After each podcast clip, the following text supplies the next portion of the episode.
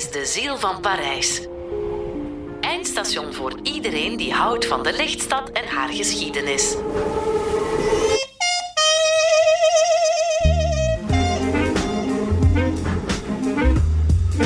Bonjour, mijn naam is Rick van Puimbroek, journalist bij De Tijd en als reporter een fervent straatloper, omdat ik van dat oude motto hou. De straat is de universiteit van de journalistiek. Daar leer je het. Zo kwam ik de voorbije 30 jaar af en toe in Parijs en ik dacht dat ik de stad wat kende. Tot ik met Dirk Velge, auteur van De Ziel van Parijs, het boek waarop deze podcastreeks geïnspireerd is, door de Franse hoofdstad wandelde. Dirk loopt al meer dan 30 jaar door Parijs en er is de beste man voor. Dat zal u merken als u 10 afleveringen lang meewandelt. Stap je alvast mee op de metro? Parijs, dat is veel, maar zeker ook de Eiffeltoren. Al had het anders kunnen lopen toen een guitige gangster probeerde de toren te verkopen aan een nietsvermoedende ijzerhandelaar. Verder veel bloed in deze aflevering met een bruiloft waarop vele doden vielen. En tenslotte het verhaal waarom Parijs er vandaag uitziet zoals het eruit ziet. Met dank aan Georges Eugène Haussmann.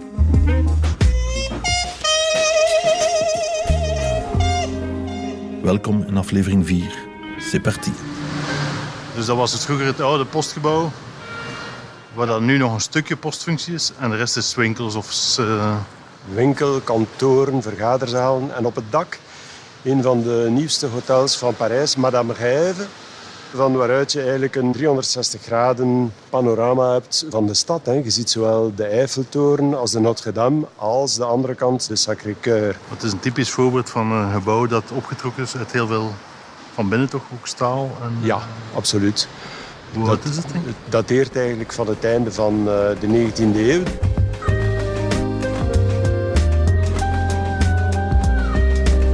Eerste halte. La Poste. Rue Etienne Marcel. Dit gebouw was de hoofdpost van Parijs. Mm Draagt ook de naam La Grande Poste du Louvre. Hè, omdat het vlakbij het Louvre is. En dit was een postkantoor zoals het hoorde, het moest dag en nacht geopend zijn. Mhm. Om, om die economische groei, het constant versturen, het ontvangen van, het moest dag en nacht doorgaan. Hier was ook de grote ja, la salle des guichets, zoals men dat noemde, waar men nu nog een stuk overgehouden heeft. En voor die tijd beheerde de post, la PTT, Post, Telegraaf et Telefoon, beheerde eigenlijk ook de Eiffeltoren. Mhm omdat op de Eiffeltoren toen reeds, van in het begin 1889... Die Eiffeltoren is gebouwd voor de Exposition Universelle van 1889... en zou daarna afgebroken worden, zoals veel Dat was het plan? Absoluut. Het plan was van die terug af te breken, zoals trouwens Le Palais de l'Industrie enzovoort. Gigantische gebouwen die na de tentoonstelling weer werden afgebroken. Maar het gebouw werd beheerd door de PTT, omdat er een grote telegraafantenne bovenop de toren staat, werd het beheer ook toevertrouwd aan de PTT. En het is op die manier door een van de directeurs van de PTT of van de vermeende directeurs van de PTT dat de Eiffeltoren verkocht werd.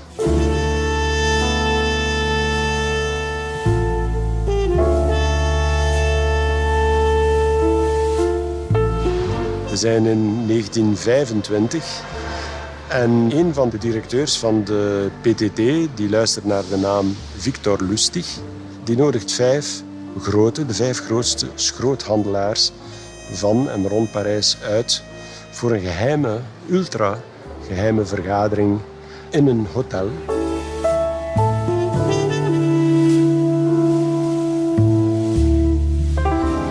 Zoals het publiek eigenlijk ook wel gekend was, de kosten aan de Eiffeltoren liepen op.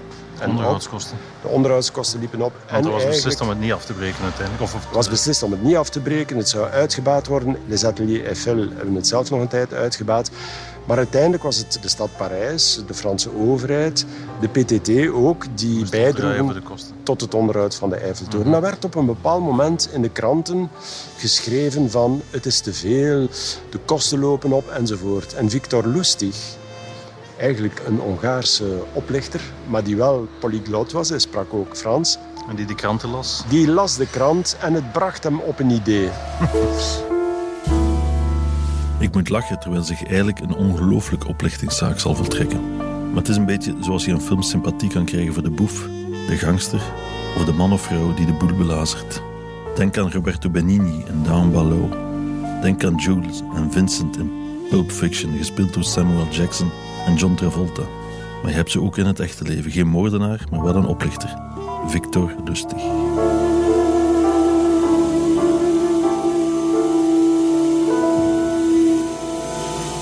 En hier had hij kaartjes, eh, naamkaartjes enzovoort, briefpapier laten drukken van de PTT met daarop Victor Lustig, directeur-generaal PTT. En hij vertelt aan die mannen, kijk, jullie kunnen een offerte indienen, want wij gaan de Eiffeltoren verkopen als schroot. Hij had die vijf schroothandelaars uitgenodigd, ja. zogezegd als directeur-generaal van de PTT. Hij geeft aan hen een zeer professioneel lastenboek. Daarin wordt beschreven de zoveel miljoen stukken, zoveel miljoen bouten, schroeven enzovoort. Eigenlijk vrij nauwkeurig, goed professioneel gedaan, zodanig dat de heren rond de tafel hem wel vertrouwen. Geen twijfel. Daarna zorgt hij voor een kleine stunt. Hij neemt ze mee, van de Clion is het niet zo ver, gaan ze samen naar de Eiffeltoren. En daar heeft een ander mannetje, een handlanger die hij had binnen La Poste, laat hem daar toe. Hij moet niet in de rij gaan staan en hij mag onmiddellijk naar het grote platform op de tweede verdieping gaan. En en effet, zoals blijkt, die Eiffeltoren is op verschillende plaatsen roest. Er ontbreekt verf. De lift hapert al eens. En dus ja... Rijp voor de schroot. Die rijp voor zijn de overtuigd. De mannen zijn overtuigd. Er moet ingegrepen worden, er moet iets gebeuren. Het bezoek wordt afgerond met de mededeling dat binnen de twee weken mhm. er een offerte, offerte moet, moet binnen zijn bij de heer Lustig.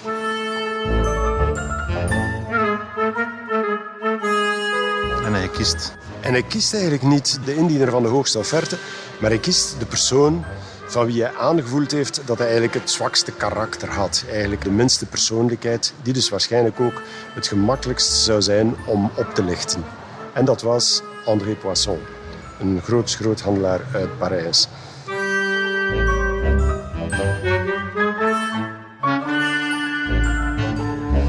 En hij schrijft terug aan André Poisson, die hij persoonlijk uitnodigt dan om de gesprekken verder te zetten. Maar het was gerekend buiten de vrouw van Poisson, die zegt, ja, ehm, het is toch wel een enorm bedrag. En twee, ja, het voorschot dat gevraagd wordt, is ook niet van de poes, 250.000 francs is toch een enorme som. Ik wil mee. Ik wil meegaan. Ik wil die man ontmoeten. Ja, ik ben er niet gerust in. Mevrouw Poisson was verstandiger of een sterkere persoonlijkheid dan uh, meneer Poisson. Ja, absoluut. En ze komen dus terug bij Victor Lustig. De knipjes van het vak echt goed kent. Een van zijn regels was... Spreek niet, maar luister. En dus dit paste hij nu enorm toe. Dus hij liet mevrouw Poisson spreken. Ik moet denken aan Patrick Vialanex. Een man uit het zuiden van Frankrijk die ik acht jaar geleden hier in Parijs in het Hotel Beauchamp mocht interviewen. Wat was er gebeurd? Als kind was hij in het museum van Draguignan betoverd geraakt door een schilderij van Rembrandt. En dat liet hem niet los. Integendeel, het schilderij trok hem zo aan dat hij het wilde bezitten. En nadat hij zich op een avond in het museum had laten opsluiten, stal hij het. Vijftien jaar lang koesterde Patrick het en verstopte het thuis, zelfs voor zijn eigen vrouw. Tot hij in 2012 iemand in vertrouwen nam en hij het twee jaar later terug aan de eigenaars bezorgde. Patrick Vialanex was dus officieel een dief geweest, maar ik vond hem sympathiek. Een beetje zoals Victor Lustig. Je moet er echt maar durven aan denken. En op een bepaald moment wordt het heel kritisch wanneer mevrouw Poisson vraagt, maar Meneer Lustig, hoe moeten wij werkelijk geloven dat u een ambtenaar bent, dat u een directeur-generaal van de post... En dan speelt hij zijn troefkaart. Dan spreekt hij op een andere toon plots, wordt precies een andere man en zegt, kijk, ik zal heel eerlijk zijn met jullie. Het goede nieuws is dat de opdracht naar u kan gaan. Maar er is ook een beetje moeilijk nieuws en dat is dat ik een enveloppe vraag onder tafel. Mhm. Ik vraag een stuk zwart geld. Want, zoals u weet, wij ambtenaren verdienen weinig. Zelfs als directeur-generaal van de post hebben wij in vergelijking met u een heel bescheiden loon. En ik gun u graag de opdracht, want mevrouw Poisson, we hebben uw man gekozen omwille van het feit dat hij de meest professionele offerte heeft ingediend. En voor ons is het heel belangrijk dat die opdracht heel correct wordt uitgevoerd binnen timing en binnen budget. Dus zij, mevrouw Poisson, groeit, kijkt naar haar man, wordt heel fier op hem. Ze hoort de woorden professioneel, correct enzovoort. En dan vraagt hij dat geld onder tafel. En heel professioneel als hij is, gaat hij dan zijn handen wassen en de laat ze even alleen. En het eerste wat mevrouw Poisson tegen haar man zegt... Zie je wel, que c'est un fonctionnaire. Want hij vraagt geld in zwart. Dus het moet wel een echte ambtenaar zijn. en ja, het voorschot wordt dan de volgende week overhandigd. En nog dezelfde dag zit Victor Lustig op de trein naar Wenen. En verstopt zich veilig in Wenen tot wanneer in Parijs de bom zou ontploffen. Alleen die bom komt er gewoon niet. Er verschijnt niks in de kranten. Er wordt niks over gehoord. Alles blijft stil in Parijs. En dat komt omdat achteraf is gebleken dat André Poisson daar zo beschaamd over was. En dat het ook gevaarlijk was voor hem om over dat zwart geld te spreken enzovoort. Het is nooit dan tot een verdere klacht gekomen. Enkel tot een politieverklaring en tot politieverhoren. Lustig is teruggekeerd naar Parijs, heeft het een tweede keer geprobeerd, maar is dan gevat geworden en is er nauwernood kunnen ontsnappen naar de Verenigde Staten. Daar is hij in de valse munterij gegaan, is daar aangehouden, is opgesloten geworden in Alcatraz. En de mythe wil dat hij daar gestorven is achter de tralies van Alcatraz. Mhm. Denkende aan de stalen pijlers van de Eiffeltoren.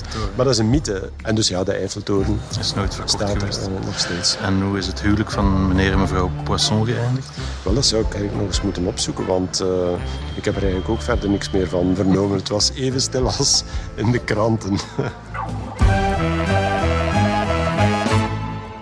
Ik zoek het op, maar zomaar snel, snel vind je niet veel meer over het lot van André Poisson. Un homme naïf qui souhaitait se faire une place dans le monde des affaires wordt er over hem geschreven. Een naïeve man dus, die heel graag een plaats wilde veroveren in de zakenwereld. Of zijn huwelijk stand hield, valt niet na te gaan. Zoek je het verhaal van de verkoop van de Eiffeltoren, dan is Victor Lustig de held. Hooguit vind je bij de combinatie Poisson en Tour Eiffel een item uit het Franse journaal van 1991, waarbij de derde verdieping van de Eiffeltoren wordt weggehaald. Uitgezonden op 1 april is toevallig dat uitgerekend een poisson door Victor Lustig werd opgelicht. Helaas was het voor André zelf geen aprilgrap.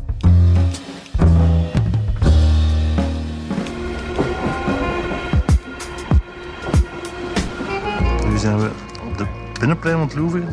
Ja, op het achterste plein eigenlijk van het Louvre, dat minder bezocht en ook minder gekend is. Iedereen gaat altijd naar de grote binnenplaats van het Louvre met de piramide van Pei. Maar hier in de tweede koer, zogezegd, die volledig omgeven is door ja, die prachtige architectuur, is ook de wieg van het Louvre. Zoals je ginder ziet, die pijlers die een paar centimeter uit de grond komen, die heeft men daar gehouden om aan te tonen waar de eerste versterkte burcht zich bevond. Ja. Wanneer de Franse koningen eigenlijk van het Ile de la Cité, waar ze natuurlijk beschermd waren door de Seine, besloten om naar het vasteland te komen, was dit eigenlijk hier. Hier stond het eerste versterkt kasteel, toen nog wat eigenlijk geleidelijk aan uitgebouwd is tot een paleis en dan tot een groter paleis en dan uiteindelijk tot het museum van het Louvre zoals we het vandaag kennen. Volgende halte. Louvre. Rue de l'Admiral de Coligny. Het is hier dat Emmanuel Macron ja. vijf jaar geleden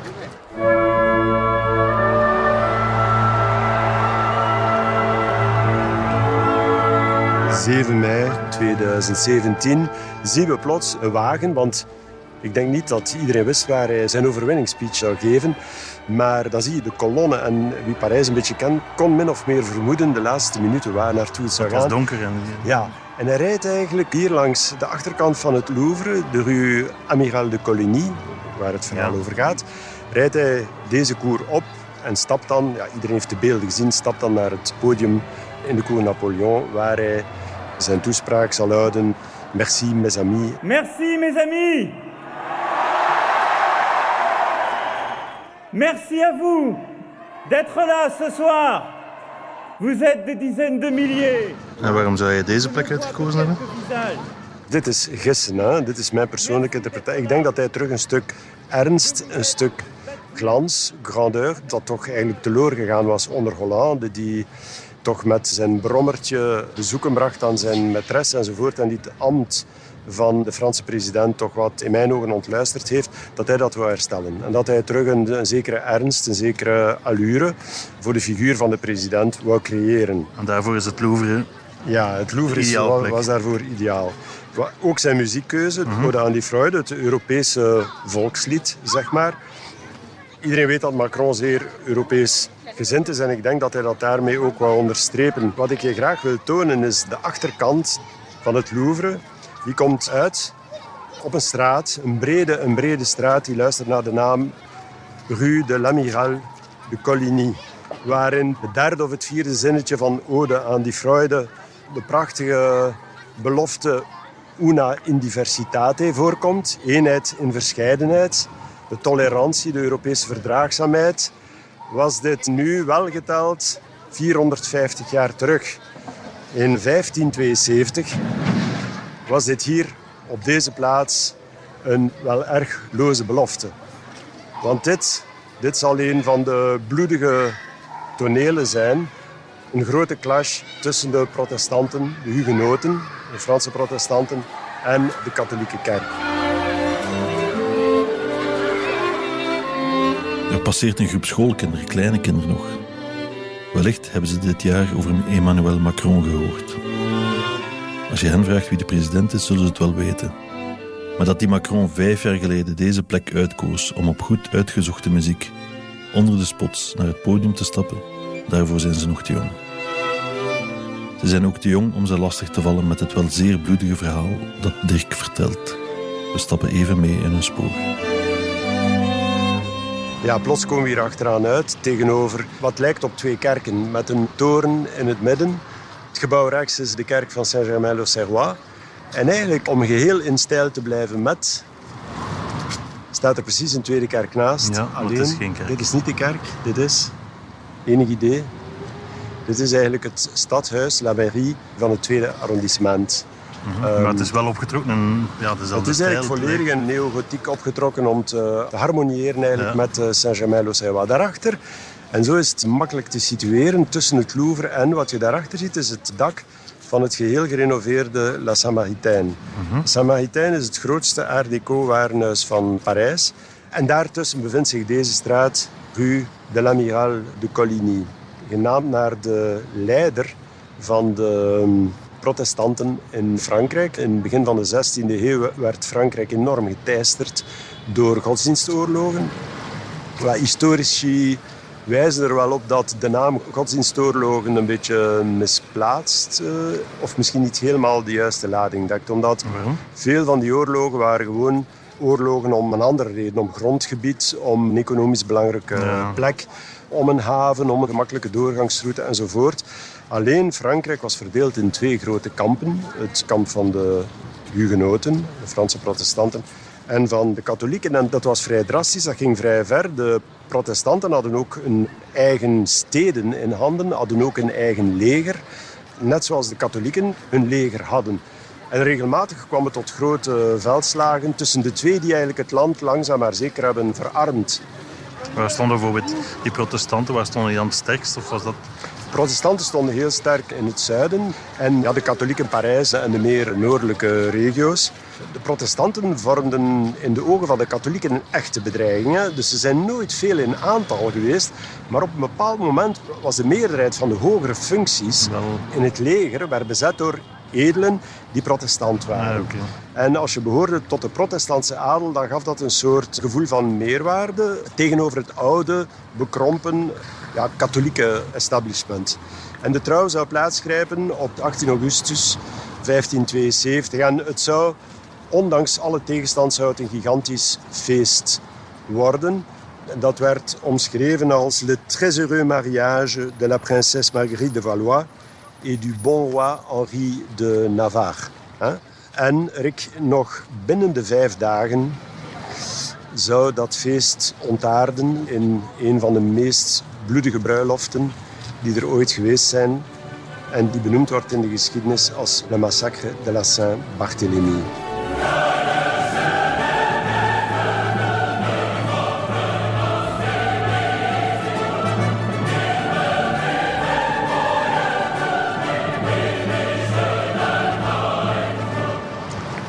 Wat is er gebeurd? Vanaf 17 augustus, de dagen voor het huwelijk, mhm. stroomt Parijs vol van de edelen. De katholieke edelen komen aan met hun knechten, met een deel van hun legers. Uit de andere richting komen de protestantse edelen onder leiding van l'amiral de Coligny, eh, die de admiraal van het Franse leger was. Hè. Dus, dat was eigenlijk een geestelijke. Nee, nee, nee, nee. Dit was een protestant die gehuwd was. Ja, maar dat was de leider van het Franse leger. Dus vandaar die spanning. Die hugenoten hadden echt wel een vinger in de pap. En ja, het huwelijk moest plaatsgrijpen hier, in de Notre-Dame. Maar de gasten werden ook gelogeerd in het Louvre en in andere stadspaleizen. Amiral de Coligny wordt gehuisvest hier in de straat achter het Louvre, in een stadspaleis. En de voorbereidingen komen volop op gang. Er zijn alle dagen parades. Tot plots geruchten de ronde beginnen doen in de stad dat de protestanten zouden een staatsgreep plegen. Dat er een coup d'état zou gebeuren door de Coligny. En dat eigenlijk men zou gebruik maken van de aanwezigheid van hun troepen in Parijs om de katholieken een pad in de korf te zetten. Eventjes... Er was toen nog geen politie, maar nu wel. Maar hij passeert.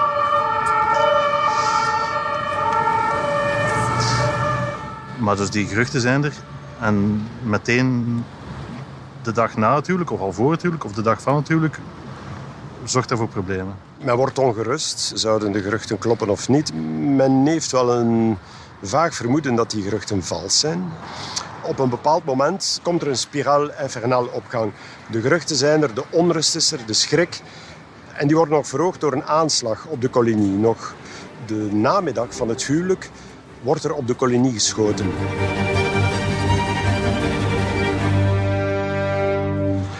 Dodelijk gewond wordt hij naar het paleis gebracht. De jonge koning Charles IX komt bij hem op bezoek, verontschuldigt zich voor wat er gebeurd is. Blijkt enorm gegeneerd omdat hij als gastheer van de stad en gastheer van het huwelijk zoiets moet meemaken. Maar ondertussen zwellen de geruchten aan en wanneer hij terug in het Louvre komt, houdt hij een Conseil du Roi. En in die Conseil du Roi overtuigt de katholieke fractie hem van een stap verder te zetten. En het is op dat moment dat hij de opdracht geeft om een aanval te openen op alle protestanten in de stad. En de opdracht is omschreven in de verslagen en die luidt: dood ze allen, zodanig dat geen van hen het mij achteraf kan verwijten. Hm. Op dat ogenblik beginnen de klokken hier van de kerk voor ons, van Saint-Germain-l'Auxerrois, beginnen de klokken te luiden. Later gevolgd door alle klokken in Parijs.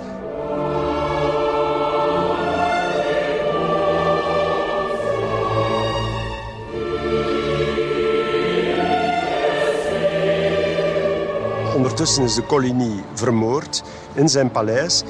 En ik moet zelf niet vertellen eigenlijk hoe gruwelijk die slagpartij is geweest. Want ze is op beeld gezet door een protestantse schilder, François Dubois, die een groot werk gemaakt heeft over Bartholomeusnacht, waar je ziet dat woord en beeld wonderbaarlijk met elkaar overeenkomen. Je ziet inderdaad de onthoofde kolonie die door het raam gegooid wordt. Zijn lijk wordt hier in deze straat heen en weer gesleept achter een paard. Daarna wordt het in de scène gegooid. Dan wordt het terug uitgehaald, terug heen en weer gesleept.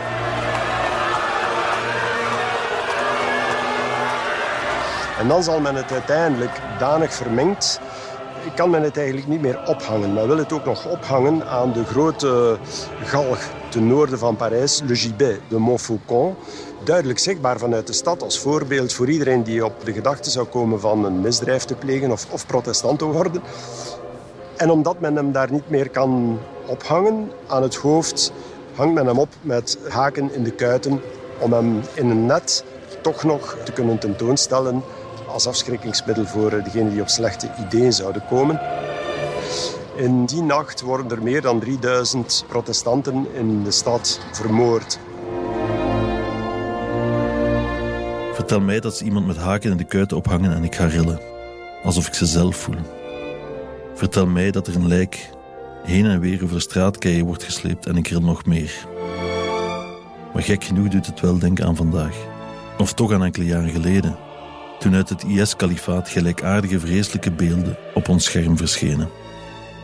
Het is niet voor te stellen dat je de moord op de Coligny met een eenvoudige zoekterm op YouTube zou kunnen vinden. Maar dat is wel wat vandaag gebeurt. En dus lijkt het erop dat de vreedheid van de mens geen maat kent. Allemaal in naam van de godsdienst, verdorie.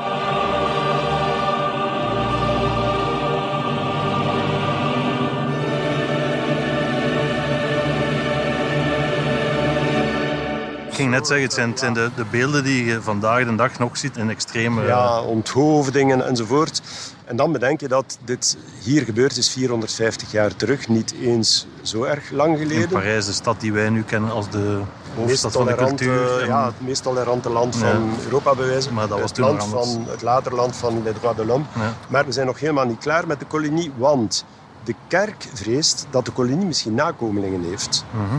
En daar gaan ze iets aan doen, want als ze nakomelingen heeft, kunnen die nakomelingen wettelijk de gronden en de eigendommen van de grote familie, de kolonie, nog opeisen. En er moet een proces komen. Er moet een proces komen waarbij ook echt onteigend wordt, waarin beschuldiging gesteld wordt van een poging tot regicide en waar komaf gemaakt wordt voor altijd met de kolonie. En dat proces vindt inderdaad plaats. En wat doet men om de beklaagde in de rechtbank te krijgen? Men bouwt zijn gestalte na in riet. Oh ja? Men plaatst hem in de beklaagdenbank en men doet alsof hij uh, nog als levende in de beklaagdenbank zit. Men veroordeelt hem tot de dood, men onteigent hem en, enzovoort en zo verder. En, zei Riet een pop, gooit men eigenlijk ook nog op de brandstapel. Op de brandstapel.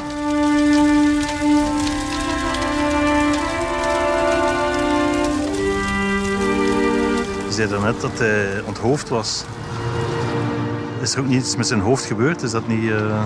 Het werd gezegd dat zijn hoofd aan de paus bezorgd werd. Mhm. Maar ik kan dat niet bevestigen of het klopt. Wat ik wel kan bevestigen is de talrijke ritjes die het lijk gemaakt heeft hier over de, wat nu de Rue de l'Amiral de Coligny is. Het in de scène gooien, omdat het zowel in de teksten als op het schilderij aan bod komt. Dus daar kunnen we vrijwel zeker van zijn dat dit echt gebeurt. Maar het is dan ook eigenlijk nog wel straf dat hij toch nog een avenue gekregen heeft die naar hem genoemd is. Wel later hè, komt natuurlijk heel die uh, tolerantie. En later onder Hendrik IV, die als protestants uh, koning zich wel bekeert tot het katholicisme, maar die toch eigenlijk altijd in inborst een protestant blijft en die dan het edict van Nantes uitvaardigt dat godsdienstvrijheid toestaat aan de protestanten, waarbij zij verschillende garnizoensteden ook toegewezen krijgen, waar zij een eigen leger mogen op nahouden en waar zij ja, een grote vrijheid van godsdienst krijgen. Edict van Nantes, dat spijt genoeg later door de zonnekoning, door Lodewijk XIV, mm zal herroepen worden. Waarna, en dat is eigenlijk wel dramatisch geweest voor Frankrijk, waarna dan de laatste honderdduizenden Hugenoten Frankrijk zullen ontvluchten naar Nederland, Duitsland, Scandinavië, waar zij in Nederland zullen zorgen voor economische bloei, voor de Gouden Eeuw, waar zij in Scandinavië rijkdom en ja, economische welvaart zullen brengen, waar ze ook gaan. Ze nemen hun kapitalen mee, ze zijn ondernemend, ze zijn drukkers, uitgevers, intellectuele beroepen. Terwijl Frankrijk keert terug eigenlijk naar de feudaliteit onder het absolutisme eigenlijk. In Parijs is het vandaag druk, zoals dat enkel in Parijs het geval is. Leveranciers van vlees rijden door smalle straatjes. Op de achtergrond loeit af en toe een ambulance en op de straatsteentjes hoor je het geklak van gehaaste dames op hoge haken. Soms moet je opletten dat een fietser je niet omverrijdt. Want Paris à vélo is in. Al had Dirk gelijk toen hij mij ooit zei dat je veel meer ziet als je wandelt dan als je fietst. We zijn door passages gelopen, langs vitrines met schoenen van Louboutin, langs oude restaurantjes, langs galerieën. Druk, maar wel vredig. Dat in dezelfde straat amper enkele eeuwen geleden bloedbaden werden aangericht, is bijna niet voor te stellen.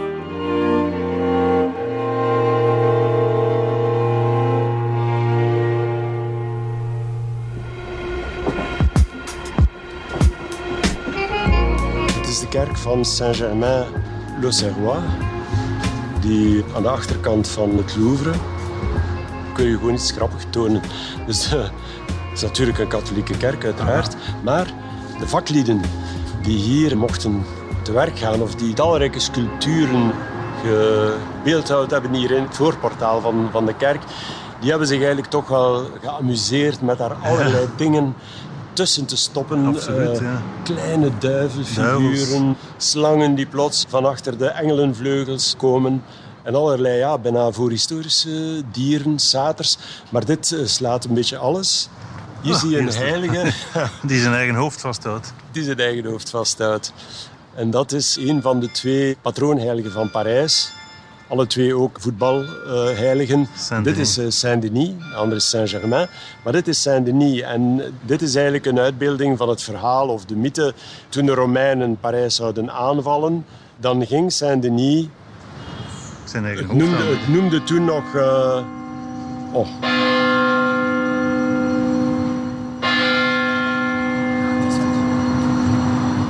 Hoe laat is het nu? Je hebt toch meegeteld? Drie uur. Ja. Voilà. De Saint-Denis gaat eigenlijk wat nu noemt Montmartre, maar het luisterde toen nog niet naar de naam eh, Montmartre, ging die heuvel op waar de Romeinen gelegerd waren, maar de Romeinen onthoofden hem. Maar natuurlijk, Saint-Denis is er niet al te erg van aangedaan. Hij neemt gewoon zijn hoofd in de handen en marcheert zo terug naar Parijs. En van de weeromstuit schrikken de Romeinen en breken hun kamp op en verdwijnen. Volgende halte. Place de l'Hôtel de Ville. We gaan zo meteen verder, na dit.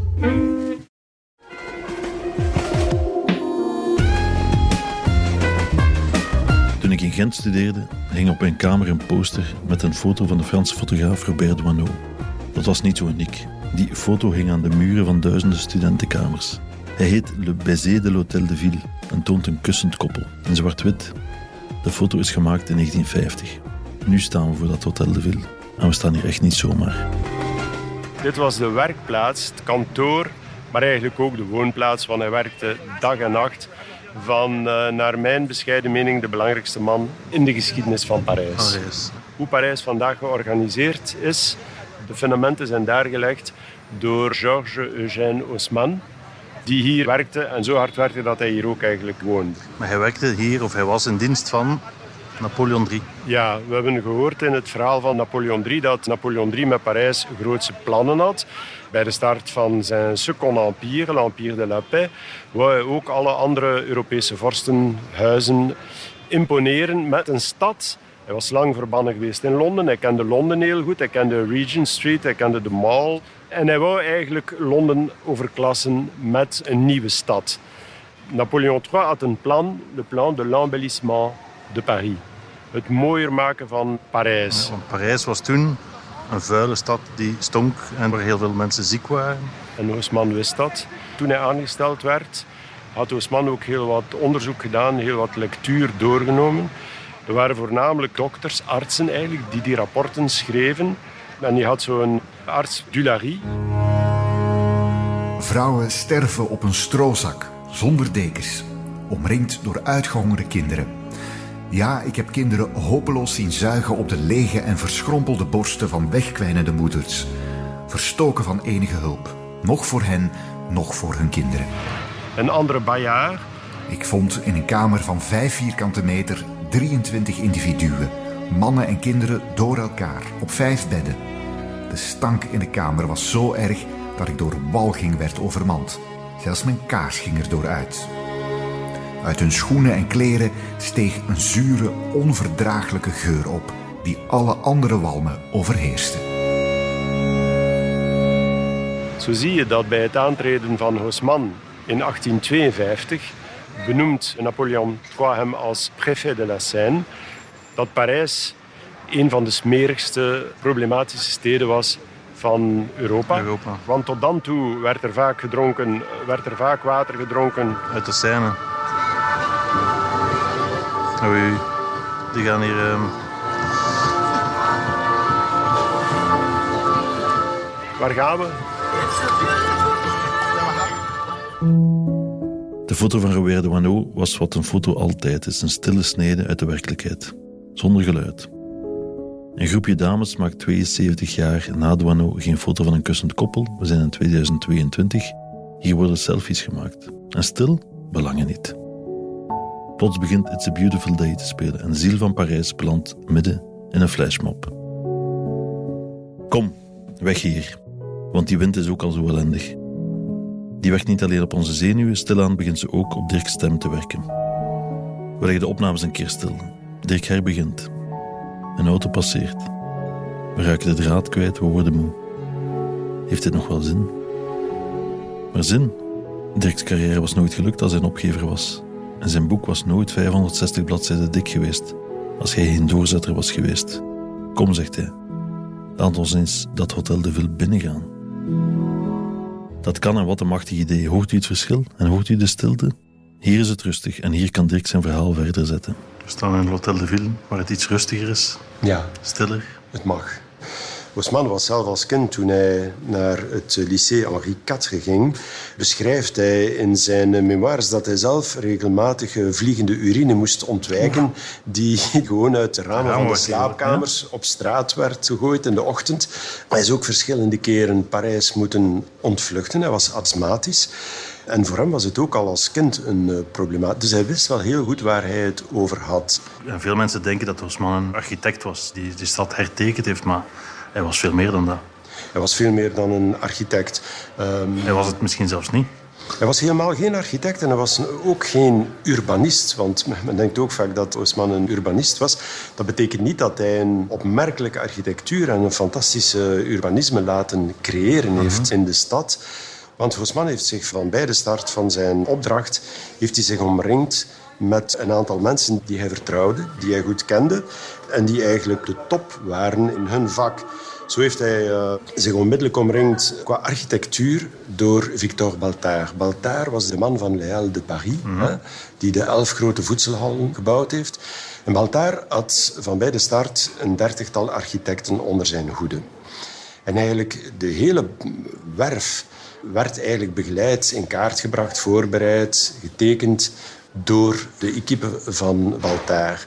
Osman had ook een, een, beroepsfotograaf in zijn team.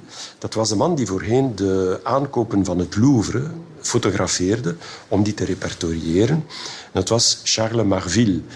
En wat is daar enorm boeiend aan? Dat is dat vooraleer Haussmann een wijk liet afbreken of een straat liet platleggen, dan was het de taak van Charles Marville om die vooraf goed fotografisch in kaart te brengen, goed te fotograferen, zodanig dat hij heel goed kon aantonen wat de verandering zou zijn, wat de verbetering zou zijn. Voor en na.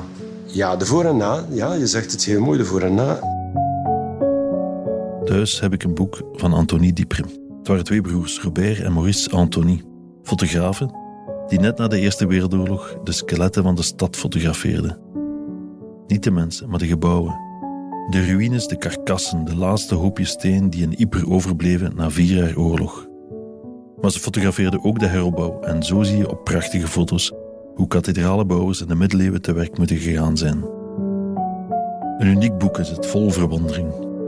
Het was niet toevallig Diogo Francis, mijn beste vriend en zelffotograaf, die het me aanraadde. Hij is een meester in het kijken en samen verwonderen we ons langs Vlaamse wegen graag over wat de mens van de omgeving maakt. In voor en na zit altijd magie en dat moet Hausman beseft hebben.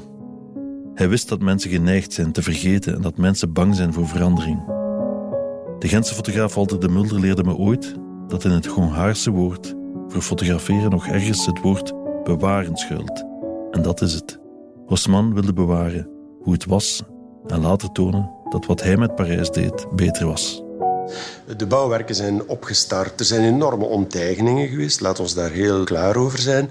Enorme onteigeningen geweest. Ja, er is een heel deel van de Parijse bevolking moeten verhuizen naar de buitenste randen van Parijs. Maar er is een ruimte en een stad in de plaats gekomen die terug leefbaar was. Maar die onteigeningen, ik kan me voorstellen dat dat niet door iedereen geapprecieerd werd. Dat er zelfs dat man daar misschien wel om gehaat werd door veel mensen. Osman had het niet gemakkelijk. Hè? Dus om de budgetten vrij te krijgen, was het belangrijk dat hij directe steun had van Napoleon III.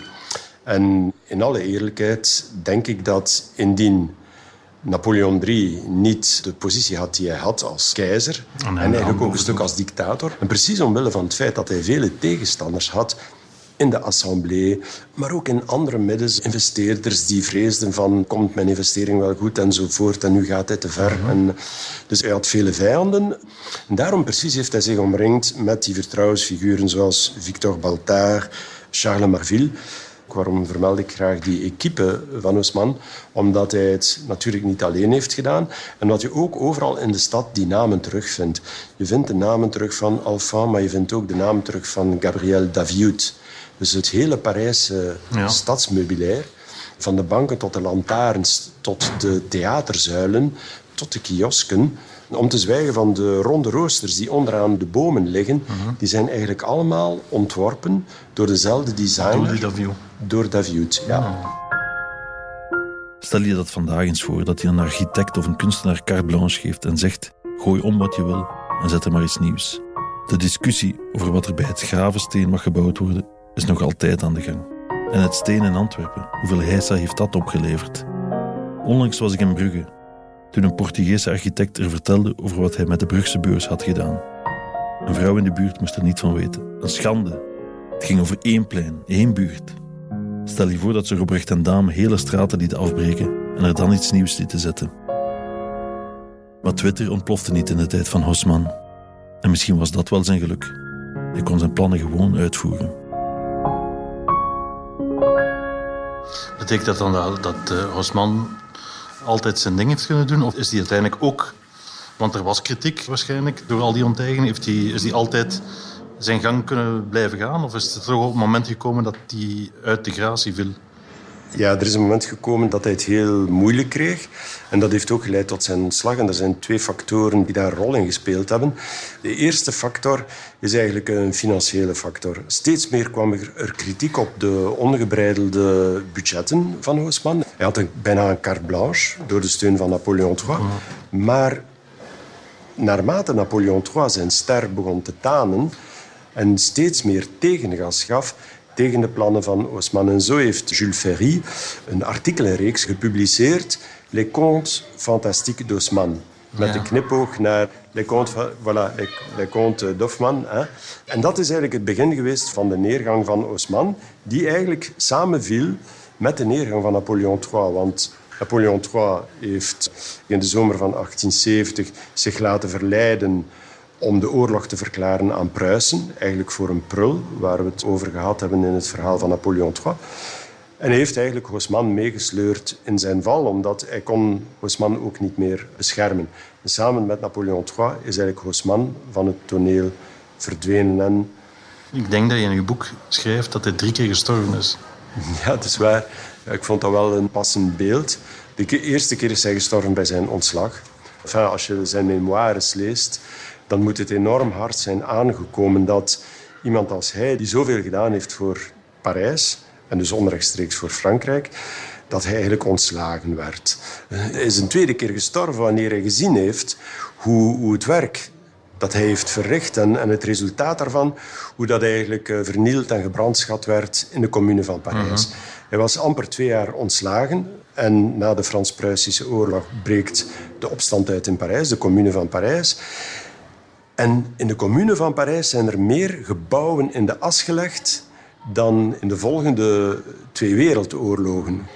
En ik denk dat hij dan een tweede keer sterft. Omdat ja, heel veel realisaties waarin hij was geslaagd, zijn eigenlijk teruggedraaid. En de derde keer dat hij sterft, was op zijn 91-jarige leeftijd, waar de echte Oosman dan letterlijk sterft. Er was veel kritiek misschien ook al op zijn onteigeningen. Hij heeft daar ook een naam aan overgehouden heeft daar een naam aan overgehouden en talrijke scheldwoorden. Men noemde hem Le Castor de la Ménagerie Impériale. Dus de Ménagerie Impériale was de zoo van de, de, keizerlijke zoo. Ja, je weet wat een bever doet, een castor, die, die ondermijnt. Hè. Uh, was uh, Le Castor de la Ménagerie uh, Impériale. Hij was ook ja, de doodgraver van de stad. In veel boeken vandaag nog, in vele gidsen, komt Haussmann voor als de man die de ziel van Parijs heeft vermoord.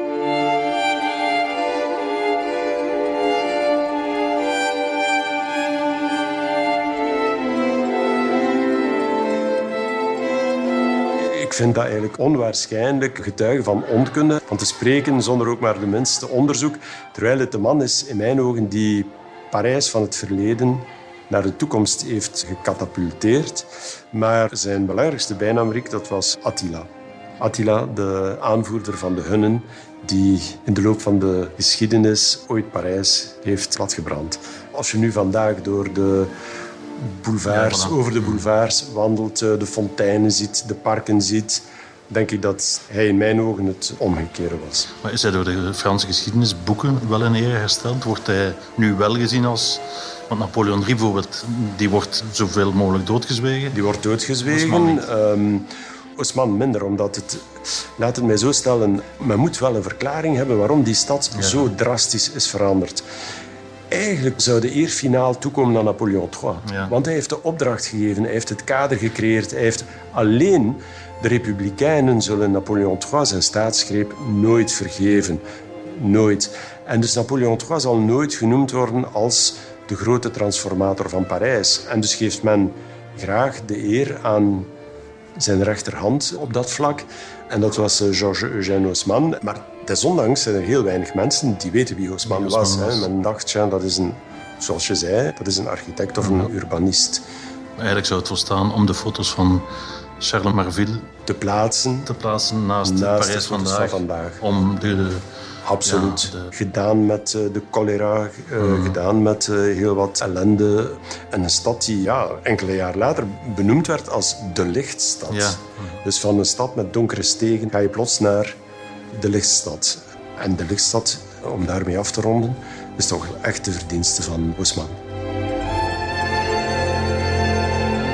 kan door Parijs niet meer lopen zonder dat dat liedje van Zaas in je hoofd kruipt. En dat is lastig, want Paris ne sera pas toujours Paris. Nee, misschien wel la plus belle ville du monde, want het was weer een prachtige wandeling. Als je denkt aan hoe het was voor Haussmann, als je denkt aan al dat bloed van de kolonie, dan weet je toch ook dat alles ooit kan veranderen. Dat het toen onvoorstelbaar was hoe Parijs vandaag zou zijn. Zoals het nu onvoorstelbaar is hoe Parijs over 450 jaar zal zijn. Misschien staat de Eiffeltoren er dan nog wel. Hoewel, zou die Victor Lustig nog nazaten hebben?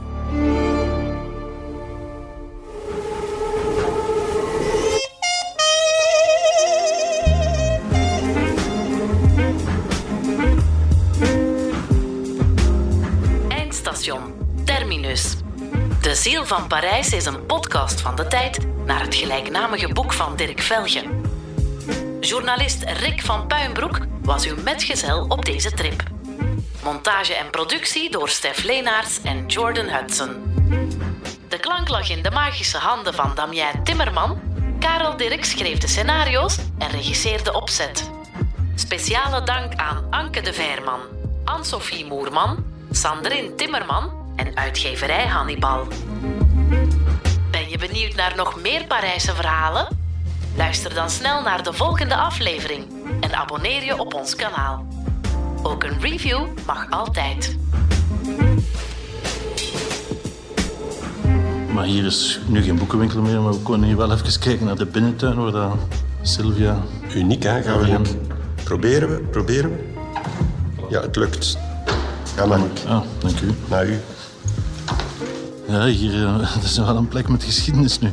Het is uniek. Het is uniek. Ik ben zoveel in Parijs geweest. En eerste keer dat het is de eerste keer dat ik hier zelf... Ik ben hier in de hal al geweest, maar in deze binnentuin. En dit ziet er werkelijk uit alsof het in die jaren moet zijn geweest. Ja. Merci beaucoup et à bientôt.